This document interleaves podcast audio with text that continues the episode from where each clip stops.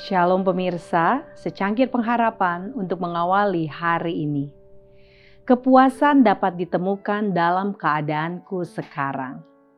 Kukatakan ini bukanlah karena kekurangan, sebab aku telah belajar mencukupkan diri dalam segala keadaan. Filipi 4 ayat 11.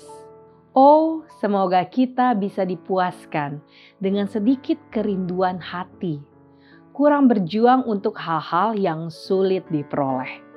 Tetapi terhadap apa yang Tuhan hargai di atas permata, roh yang lemah lembut dan tenang. Lebih baik bertahan dengan riang setiap ketidaknyamanan daripada berpisah dengan kedamaian dan kepuasan. Testimonies for the Church jilid 4 halaman 622. Ada orang-orang yang resah yang jika pergi ke tempat tinggal baru tetap tidak puas karena semangat ketidakpuasan ada di hati.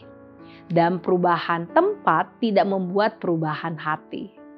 Karakter mereka belum dimurnikan dan dimuliakan oleh Roh Kristus. Mereka perlu belajar tentang kepuasan. Fundaments of Christian Education halaman 495.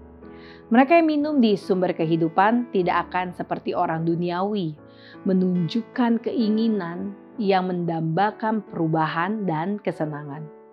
Dalam tingkah laku dan karakter mereka akan terlihat ketenangan dan kedamaian dan kebahagiaan yang mereka temukan di dalam Yesus dengan setiap hari meletakkan kebingungan dan beban mereka di kakinya. Mereka akan menunjukkan bahwa ada kepuasan dan bahkan sukacita di jalan ketaatan dan kewajiban. Testimoni Suji Church jilid 4 halaman 432. Demikianlah renungan kita hari ini. Selalu mulai harimu dengan secangkir pengharapan.